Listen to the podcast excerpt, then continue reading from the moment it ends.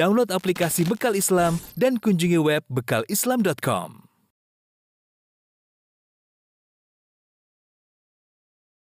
Madan abduhu wa rasuluhu da'ila ridwani.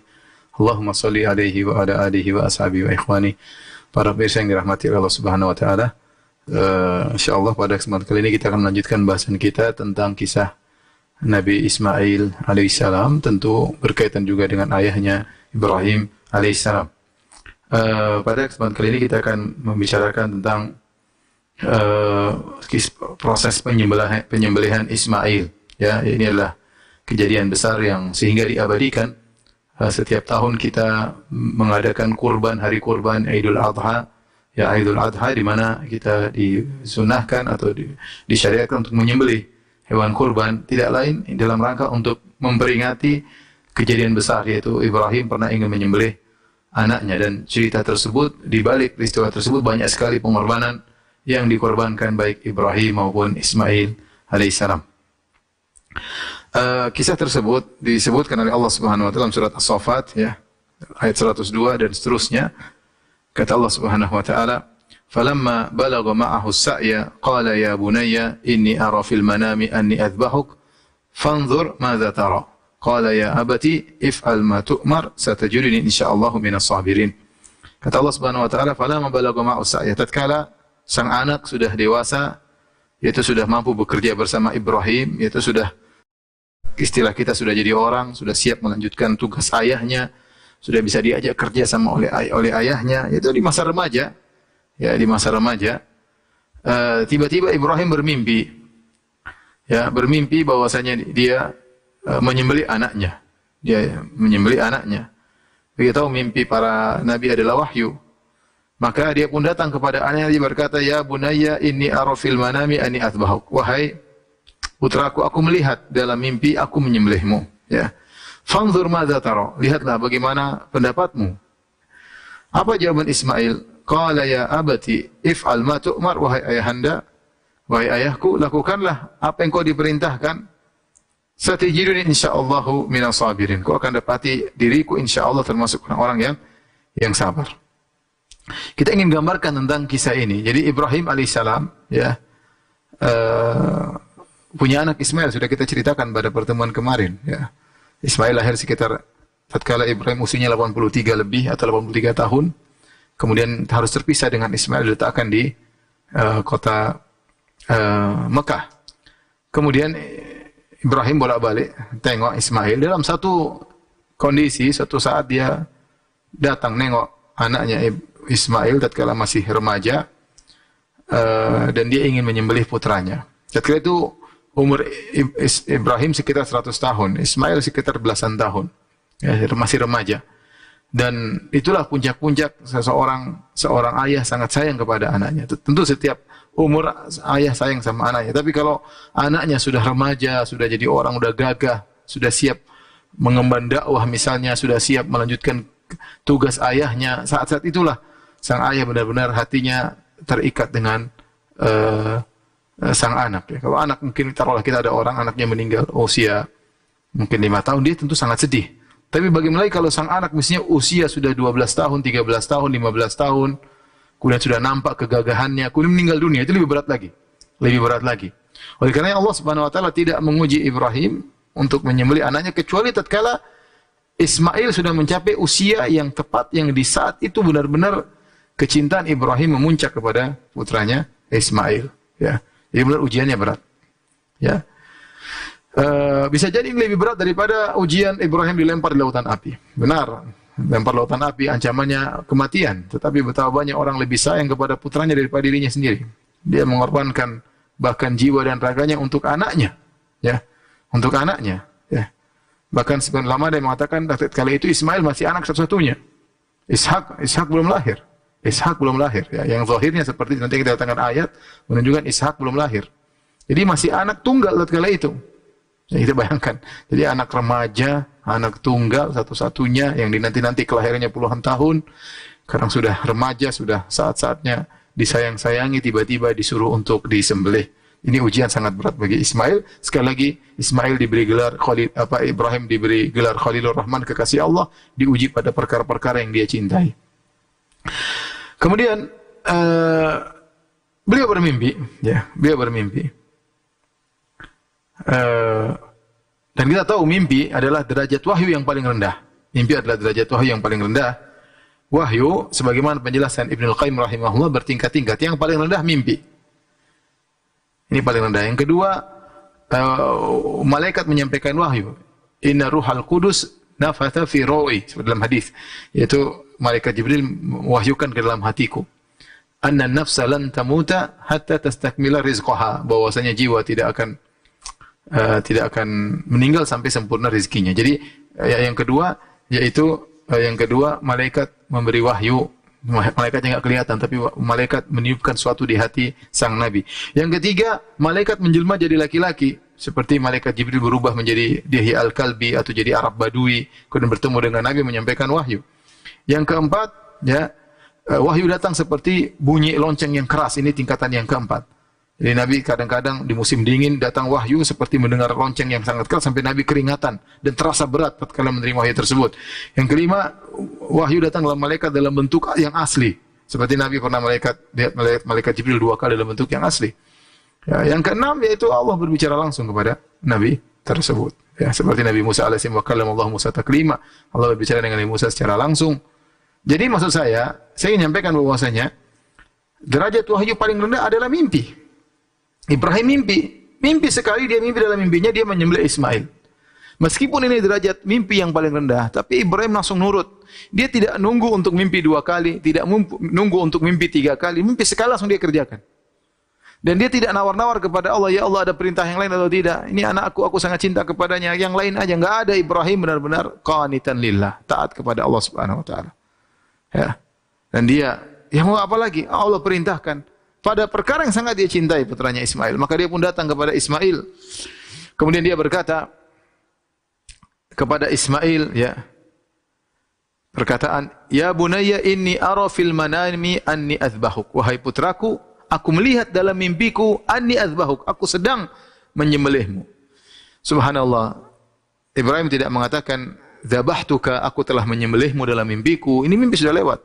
Tapi Ibrahim alaihissalam menyampaikan mimpinya dalam bentuk fi'il mudhari. Itu sedang. Anni azbahuk.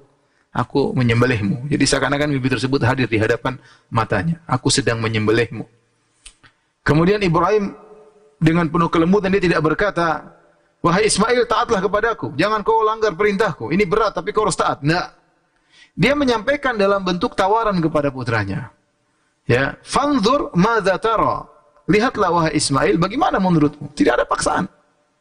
Dia mengatakan saya mimpi, kau tahu kan mimpi mimpi Nabi adalah wahyu, saya menyembelihmu dan Ismail paham. Bosnya dia, ayahnya diperintahkan untuk menyembelih dia. Tapi ayahnya datang dengan dengan tawaran, bukan perintah. Fanzur madza tara. Lihatlah bagaimana menurutmu. Subhanallah, menakjubkan ini Ibrahim alaihissalam. Tetapi Ismail juga tidak kalah menakjubkan. Ismail berkata, "Ya abatif alma tu'mar." Dia tidak mengatakan, "Ya ayah, saya belum kawin ya ayah, saya belum ini, belum anu, enggak, saya belum enggak." Enggak ada ya, enggak ada. Dia langsung berkata, "If alma tu'mar wa ayahanda lakukanlah apa yang kau diperintahkan." Kita kagum dengan Ibrahim dan kita juga tidak kalah kagum dengan Ismail. Ibrahim ya jelas dia seorang nabi dan sudah diuji dengan berbagai ujian udah udah lulus ujiannya. Ismail baru kali diuji, pertama kali diuji langsung juga disuruh disembelih. Tapi luar biasa Ismail ya. Ternyata dia juga luar biasa. Dia berkata, ya abati dengan tenangnya dia berkata, ya abati fa'al ma tu'mar. Wahai ayahanda lakukan apa yang kau diperintahkan. Namun dia tidak pede, tidak sombong, dia, dia tidak mengatakan tenang, saya akan enggak. Dia mengatakan satajiduni insyaallahu minas sabirin. Kau akan dapati aku wahai ayahanda insyaallah. Serahkan kepada Allah. Kita enggak ada yang pede dengan iman kita. Kalau para nabi tidak pede dengan iman mereka, semua serahkan kepada Allah. Jangan pernah pede ya.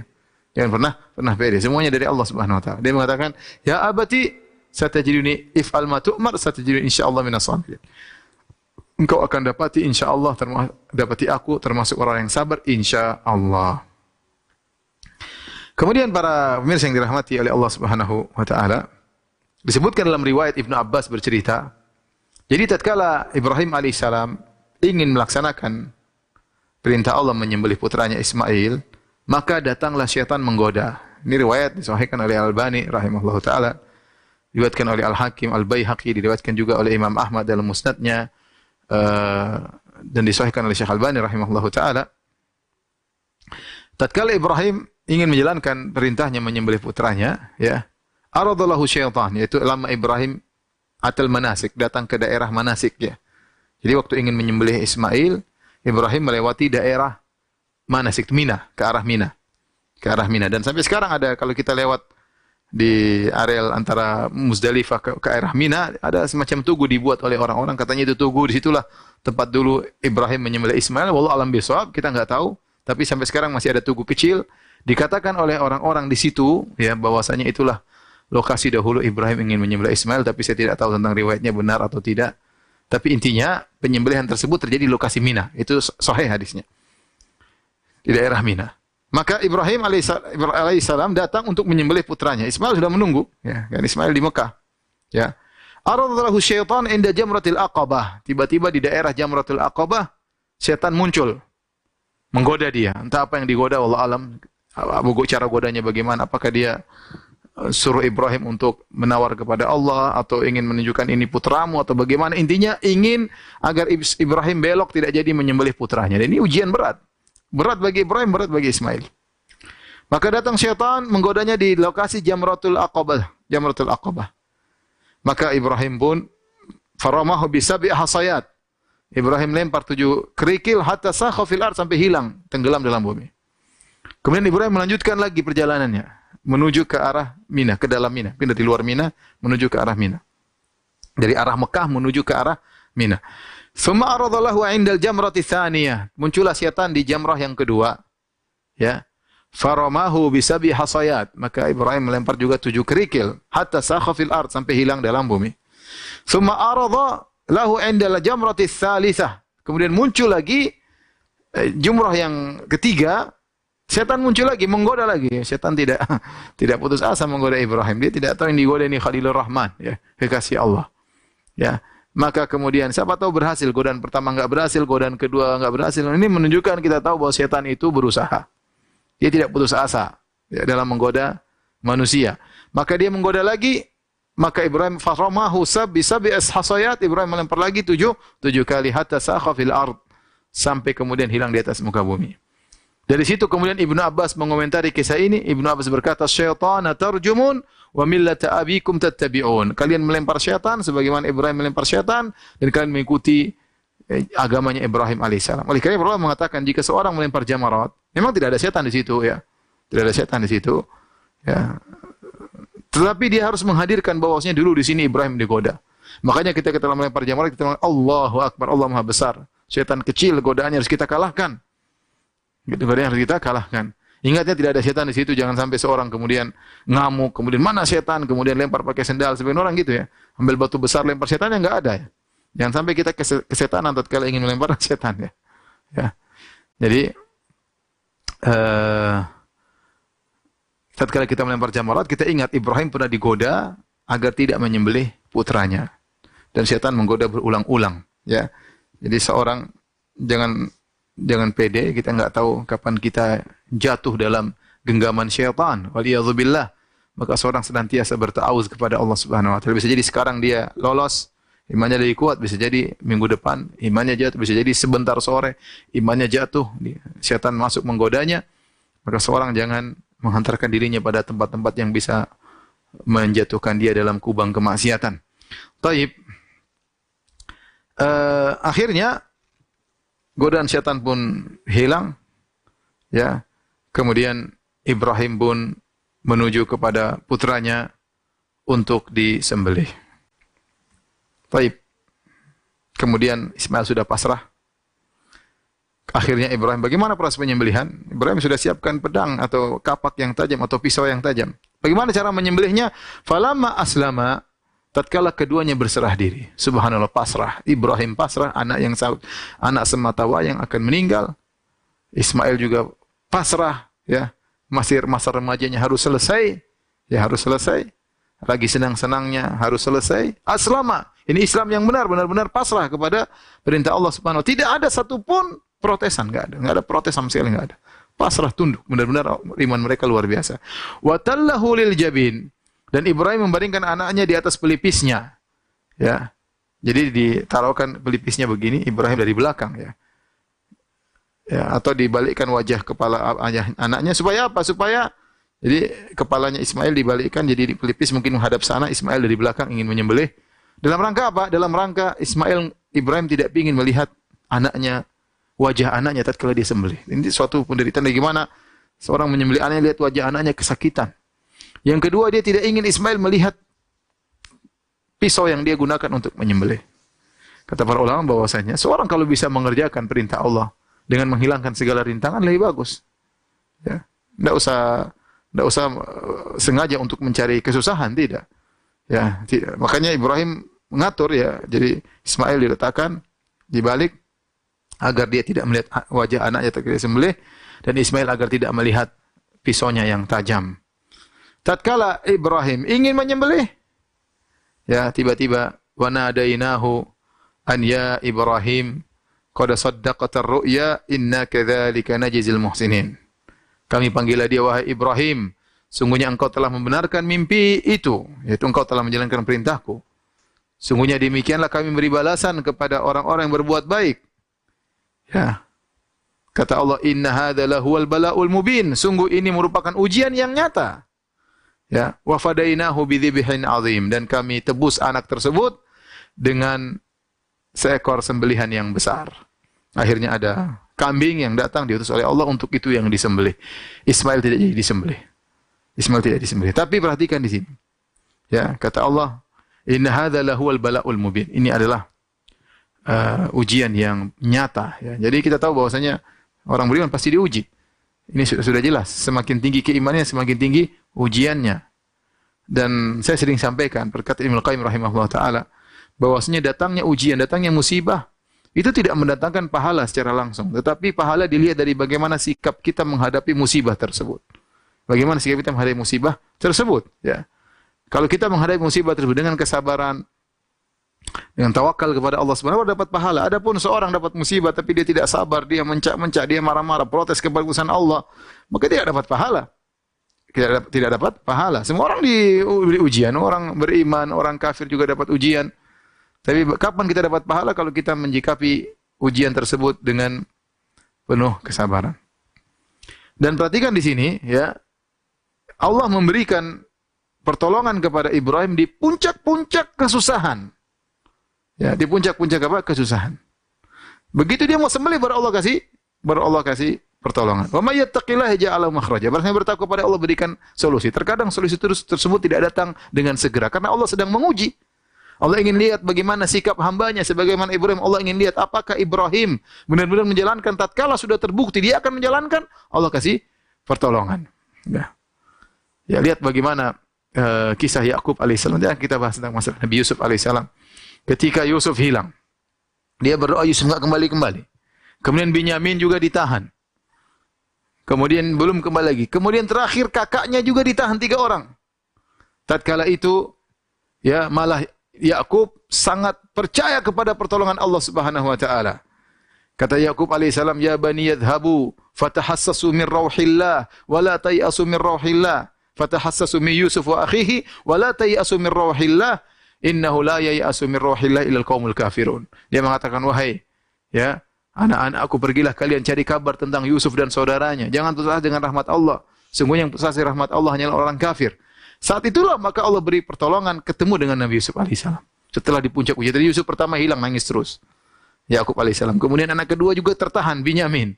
Anak ketiga tertahan tatkala sudah puncak tiga-tiganya ditahan baru Allah kasih kasih pertolongan.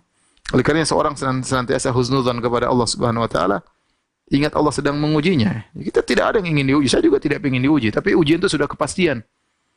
Kita nggak pengen diuji, tapi Allah kasih ujian. Kenapa? Karena banyak dosa kita yang belum kita bisa, kita tidak istighfar, kita tidak minta maaf. Mungkin kita istighfar belum diampuni. Ya.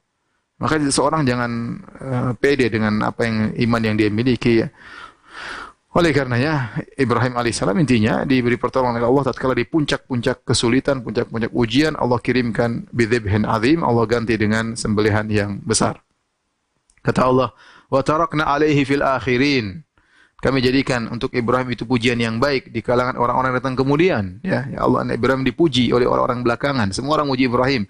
Muslimin muji Ibrahim, Nasara, Yahudi, semua muji Ibrahim. Salamun ala Ibrahim. Keselamatan bagi Ibrahim. Kadzalika najzil muhsinin. Demikianlah kami beri balasan kepada orang yang berbuat ihsan. Innahu min ibadinal mu'minin. Sungguhnya Ibrahim termasuk dari hamba kami beriman. Wa basyarnahu bi ishaqa nabiyyam minas salihin. Dan kami beri kabar gembira kepada Ibrahim tentang Ishak yang akan menjadi seorang nabi, orang-orang termasuk orang yang saleh. Taib. Saya ingin berhenti sebentar di sini. Sungguhnya ada khilaf di kalangan para ulama ahlu sunnah. Siapa yang disembelih? Apakah Ismail atau Ishak? Ya, tentunya yang kita yakin adalah Ismail. Ya. Berdasarkan dalil yang begitu banyak. Tapi ini memang khilaf sudah ada sejak dahulu. Ya. Kemudian ada pun orang-orang ahlul kitab, mereka mengatakan yang disembelih Ishak. Jadi kita dan ahlul kitab sepakat. Yang disembelih adalah orang yang mulia, hamba yang mulia. Sehingga mereka mengatakan yang disembelih Ishak.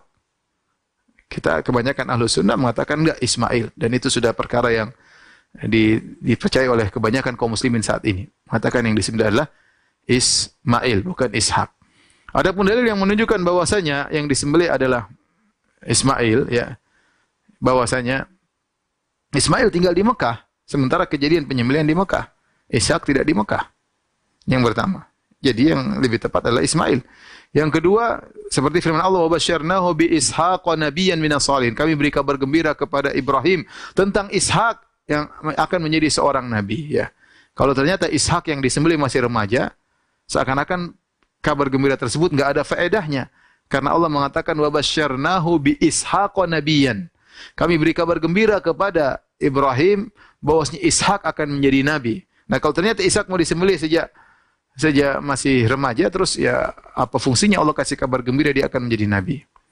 Kemudian juga dalam ayat yang lain dalam surat Hud ya Kata Allah, "Basyarnaha bi Ishaqa wa min wara'i Ishaqa Yaqub."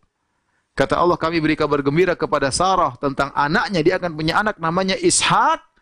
Dan setelah itu Ishak akan punya anak namanya Yakub. Kalau ternyata Allah sudah kabarkan gembira, kabar gembira, beri kabar gembira bahwasanya Sarah akan punya anak namanya Ishak dan Ishak akan punya anak nama Yakub. Setelah itu Allah menyuruh menyembelih Ishak, maka ini enggak nyambung. Ya gimana ya Allah? Bukankah engkau telah mengabarkan Ishak bakalan jadi nabi? Kenapa sekarang disuruh disembelih? Ya. Maka yang benar bukan Ishak yang disembelih alaihissalam, tapi yang disembelih adalah Ismail. Yang mau disembelih adalah Ismail alaihissalam. Allah alam bisawab. Ya. Taib, uh, inilah kisah penyembelihan Ismail dan kemudian diabadikan oleh Allah Subhanahu wa taala tentang namanya hari Idul Adha. Baik hadirin dan hadirat yang dirahmati Allah Subhanahu wa taala, para pemirsa yang dirahmati oleh Allah Subhanahu wa taala, selain itu juga ada peristiwa pembangunan Ka'bah yang dikerjakan oleh Ibrahim dan Ismail alaihissalam. Suatu hari di waktu yang lain, Ibrahim pun datang menengok anaknya Ismail. Ya. Ismail sudah di waktu kesempatan yang lain Ismail sedang di Makkah, waktu itu dia sedang mengasah anak panahnya dekat tempat Zamzam, dekat lokasi Zamzam. Dia sedang meruncingkan anak panah. Kemudian Ibrahim mendatanginya dan akhirnya Ismail melihat Ibrahim. Ya, akhirnya mereka saling berpelukan, saling melepaskan kerinduan karena Ibrahim datang sesekali aja. Datang sesekali, tidak senanti karena tinggal di Palestina. Ya. Kemudian Ibrahim berkata kepada Ismail, Ya Ismail, inna Allah amarani bi amrin. Wahai Ismail, sungguhnya Allah perintahkan aku dengan suatu perintah. Qala fasna ma amaraka rabbuk. Wahai ayahanda, lakukanlah apa yang diperintahkan oleh Rabbmu. Qala wa tu'inuni, apakah kau ingin menolongku menjalankan perintah ini? Kau akan menolongku wahai Ismail? Qala wa u'inuka, aku akan bantu engkau wahai ayahanda. Apa perintah Rabbmu aku akan bantu. Qala fa inna Allah amarani Ibrahim berkata, sungguhnya Allah memerintahkan aku an abni hahuna baitan. Allah perintahkan aku untuk membangun di sini Ka'bah, yaitu masjid Allah Subhanahu wa taala, rumah Allah. Wa asyara ila akmatin murtafi'atin. Ibrahim menunjukkan ke arah yang agak tinggi, ala mauhalah daripada yang sekitarnya. Qala fa inda dzalika rafa'al qawa'ida minal bait. Maka tatkala itu Ibrahim pun meninggikan uh, Al-qawaid itu pondasi Ka'bah. Faja'ala Ismailu ya'ti bil hijar wa Ibrahimu yabni. Ismail angkat batu, ya berat lah angkat batu mungkin dari tempat jauh, belum mungkin dikotakkan, kerja berat. Kerja berat. Ka'bah besar, batunya dirapiin, disusun, kemudian dibawa kepada Ibrahim ngangkat batu, kemudian Ibrahim nyusun. Ini kerjaan berat. Wa Ibrahim yabni, Ismail yang angkat batu, Ibrahim yang yang bangun. Hatta idhar tafa'al bina'u. Tatkala bangunan sudah tinggi, ja'a bihadzal hajari fawada'ahu lahu faqama alaihi. Karena Ka'bah harus tinggi sementara Ibrahim sudah tidak sampai lagi tinggi, maka dia butuh pijakan untuk membangun Ka'bah tersebut. Nah, pijakan itu adalah makom Ibrahim. Makom Ibrahim, ya. Jadi kalau saya mau kasih ilustrasi, ya. Jadi misalnya eh, ini Ka'bah, ya. Ka'bah dulu konon bentuknya seperti huruf D kapital, tapi kita anggap saja bentuknya kotak ya.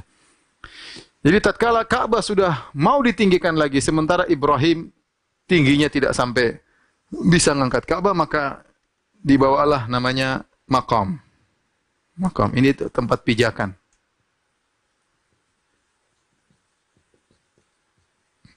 Makam itu artinya sama dengan tempat berdiri. Bukan makam ya, bukan makam. Orang salah paham dikira makam Ibrahim kuburannya Ibrahim, salah enggak. Makam itu tempat berpijaknya Ibrahim. Ibrahim naik di sini agar bisa nyusun bata di atas. Nyusun bukan nyusun bata, nyusun batu. Jadi Ismail offer ke Ibrahim, Ibrahim taruh batu di atas. Kata Ibnu Katsir rahimahullah, maka ini makam Ibrahim tentunya letaknya nempel, ini nempel, asalnya nempel. Nempel dengan Ka'bah. Karena kalau jauh berarti Ibrahim harus lompat lempar-lempar Ka'bah, enggak seperti orang main basket tidak. Tapi dia dekat nempel sehingga dia bisa nyusun, nempel dia bisa nyusun. Kemudian tatkala dia menyusun konsekuensinya kata Ibnu Katsir berarti makam Ibrahim ini berputar. Karena pindah batu, kemudian pindah lagi, nyusun lagi. Setelahnya ngambil batu dari Ismail, nyusun lagi, kemudian pindah lagi. Terus putar-putar sampai balik kembali ke sini. Saya balik, balik sini. Oleh karenanya kata kata Ibnu Katsir, makanya setelah kita tawaf, kita disunahkan untuk sholat di makam Ibrahim. Wattakhidhu min maqam Ibrahim musalla. Jadikanlah makam Ibrahim sebagai tempat salat. Untuk mengingat bosnya Ibrahim putar ini waktu bangun apa? Meninggikan waktu meninggikan meninggikan meninggikan Ka'bah. Ibrahim mutar waktu meninggikan Ka'bah. Jadi uh, itulah makam Ibrahim. Jadi makam Ibrahim dahulu nempel dengan Ka'bah. Tetapi di zaman Umar bin Khattab radhiyallahu anhu, tatkala orang tawaf, ini makam Ibrahim nempel menghalangi tawaf. Jadi dulu kan mutawifin atau taifin sedikit. Taifin orang yang tawaf cuma sedikit. Jadi kalau sini harus belok begini. Jadi kalau jalan harus belok, muter gini. Setiap jalan harus muter begini karena melewati makam Ibrahim. Dulu sedikit. Akhirnya dengan istihad Umar dimundurin. Dimundurin seperti tempat sekarang. Jadi dimundurin ke belakang. Ya, dimundurin ke belakang. Ya. Dahulu bekas makam Ibrahim ini masih ada dulu. Di zaman kota ada masih uh, dilihat bekas-bekasnya di zaman tabi'in tapi yang sekarang itu bukan, itu cuma buatan aja ya. Ya yang benar bahwasanya sudah hilang asarnya di zaman dahulu masih kelihatan tapi sekarang sudah enggak ada, sudah dibuat aja cetakan ya. Makanya kelihatan besar kaki Ibrahim besar kayak gitu enggak, itu cuma cetakan. Dulu masih ada tapi sekarang itu cuma cetakan aja ya. Wallahu alam bisawab. Inilah uh, proses pembangunan Ka'bah. Yang Allah abadikan dalam Al-Quran, kata Allah Subhanahu wa taala, "Wa idh yarfa'u Ibrahimul qawa'ida minal baiti wa Ismailu rabbana taqabbal minna innaka antas samiul alim." Tatkala Ibrahim uh, membangun Ka'bah, meletakkan batu di atas pondasi Ka'bah dan juga dengan Ismail. Kemudian mereka berdua berdoa, Rabbana taqabbal minna innaka antas samiul alim. Ya Rabb kami, terimalah dari kami amal ibadah kami innaka antas samiul alim. Sungguhnya engkau ya maha mendengar doa dan maha mengetahui apa yang kami lakukan. Kata Ibnu Abbas faja'ala yabni yabniyani hatta yadura haulal bait wa huma yaqulan. Perhatikan di sini. Maka keduanya Ibrahim dan Ismail membangun sambil memutari Ka'bah. Jadi karena disusun satu-satu muter bareng-bareng terus sampai selesai Wahuma yakulan dan mereka terus sambil mengucapkan. Jadi doa ini Rabbana taqabbal minna innaka antas samiul alim mereka ulang-ulang. Ya Allah terimalah amalan kami. Sungguhnya Engkau Maha mendengar permohonan kami dan Maha mengetahui apa yang kami lakukan.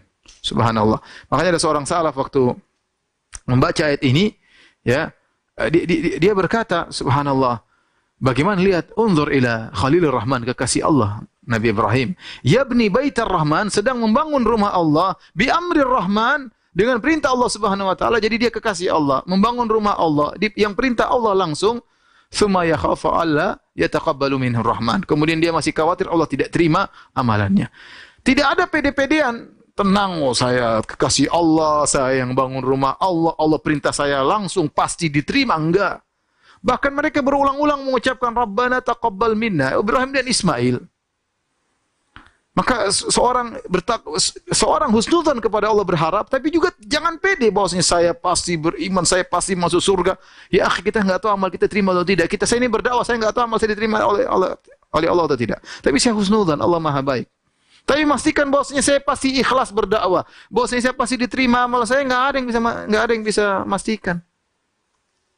Ibrahim saja mengatakan Rabbana taqabbal minna ya Allah terimalah amalan kami. Mau ria apa? Enggak ada orang tatkala itu. Enggak ada, enggak ada yang mau ria mau sama siapa. Enggak ada. Mereka berdua saja. Kerjaan berat. Allah langsung perintah tidak main-main. Nabi, kekasih Allah, tetap saja berdoa. Jadi kita harus tahu diri bahwa kita tuh jangan terlalu pede dengan iman yang kita miliki. Ya. Saya ingatkan, seorang semakin bertakwa kepada Allah tidak semakin pede. Ya sudah dia beriman, Uh, dia husnudzan kepada Allah tapi jangan saya pasti ini saya pasti ini saya kita ini siapa? Kita ini siapa? Makanya saya sungguh aneh. Kemudian ada yang mengatakan tenang nanti kalau saya di surga saya tidak akan masuk surga. Sampai murid-murid saya semua masuk. Ya ente siapa nanti? Satu lagi mengatakan tenang saya akan bawa tangan bapak gandeng tangan bapak menuju surga. Ente siapa? Ibrahim saja seperti ini. Alaihissalam Akhirnya, jadi ini disyariatkan kita kalau selesai beramal soleh kita boleh berdoa Rabbana taqabbal minna innaka anta samiul alim. Ya Allah terimalah amalku. Seorang mungkin dia habis bersedekah dia berdoa Rabbana taqabbal minni. Ya Allah terimalah sedekahku. Mungkin dia habis ibadah tertentu berbakti sama orang tua dia mengatakan Rabbana taqabbal minni. Ya Allah terimalah baktiku kepada orang tua. Kita enggak tahu amal kita terima atau tidak. Dan kita bilang begitu agar kita tidak ria. Karena kalau Allah terima kita dia jauhkan daripada ria. Kita dari ujub, dari orang ujub ya, bangga dengan apa yang kita lakukan. Ya. Kemudian setelah Ibrahim membangun Ka'bah, kemudian Allah berfirman wa adzin fin nasi bil haji ya'tuka rijalan wa ala kulli dhamirin ya'tina min kulli min kulli fajjin amiq. Kata Allah berilah berserulah berkumandanglah kepada manusia untuk mengerjakan haji. Niscaya mereka akan datang kepadamu dengan berjalan kaki atau mengendarai unta yang kurus yang datang dari segala penjuru yang jauh. Jadi Allah suruh Ibrahim mengumumkan kepada manusia untuk berhaji. Tidak ada orang waktu itu ya. Orang cuma sedikit ya. Maka Ibrahim berkata, Ya Rabbi wa kaifa ubligun nasas wa sauti la yanfudhuhum.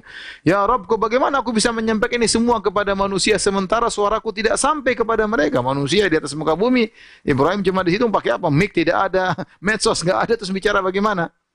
Kata Allah, nadi wa alainal balak. Tugasmu sampaikan, kami akan sampaikan ke hati-hati mereka. Maka Ibrahim pun naik di atas makomnya. Kemudian dia berteriak, Ya ayuhan nas, wahai manusia sekalian. Inna rabbakum qad ittakhadha baitan fahujjuh. Wahai manusia sekalian, sungguhnya Rabbmu telah membangun rumahnya, Ka'bah.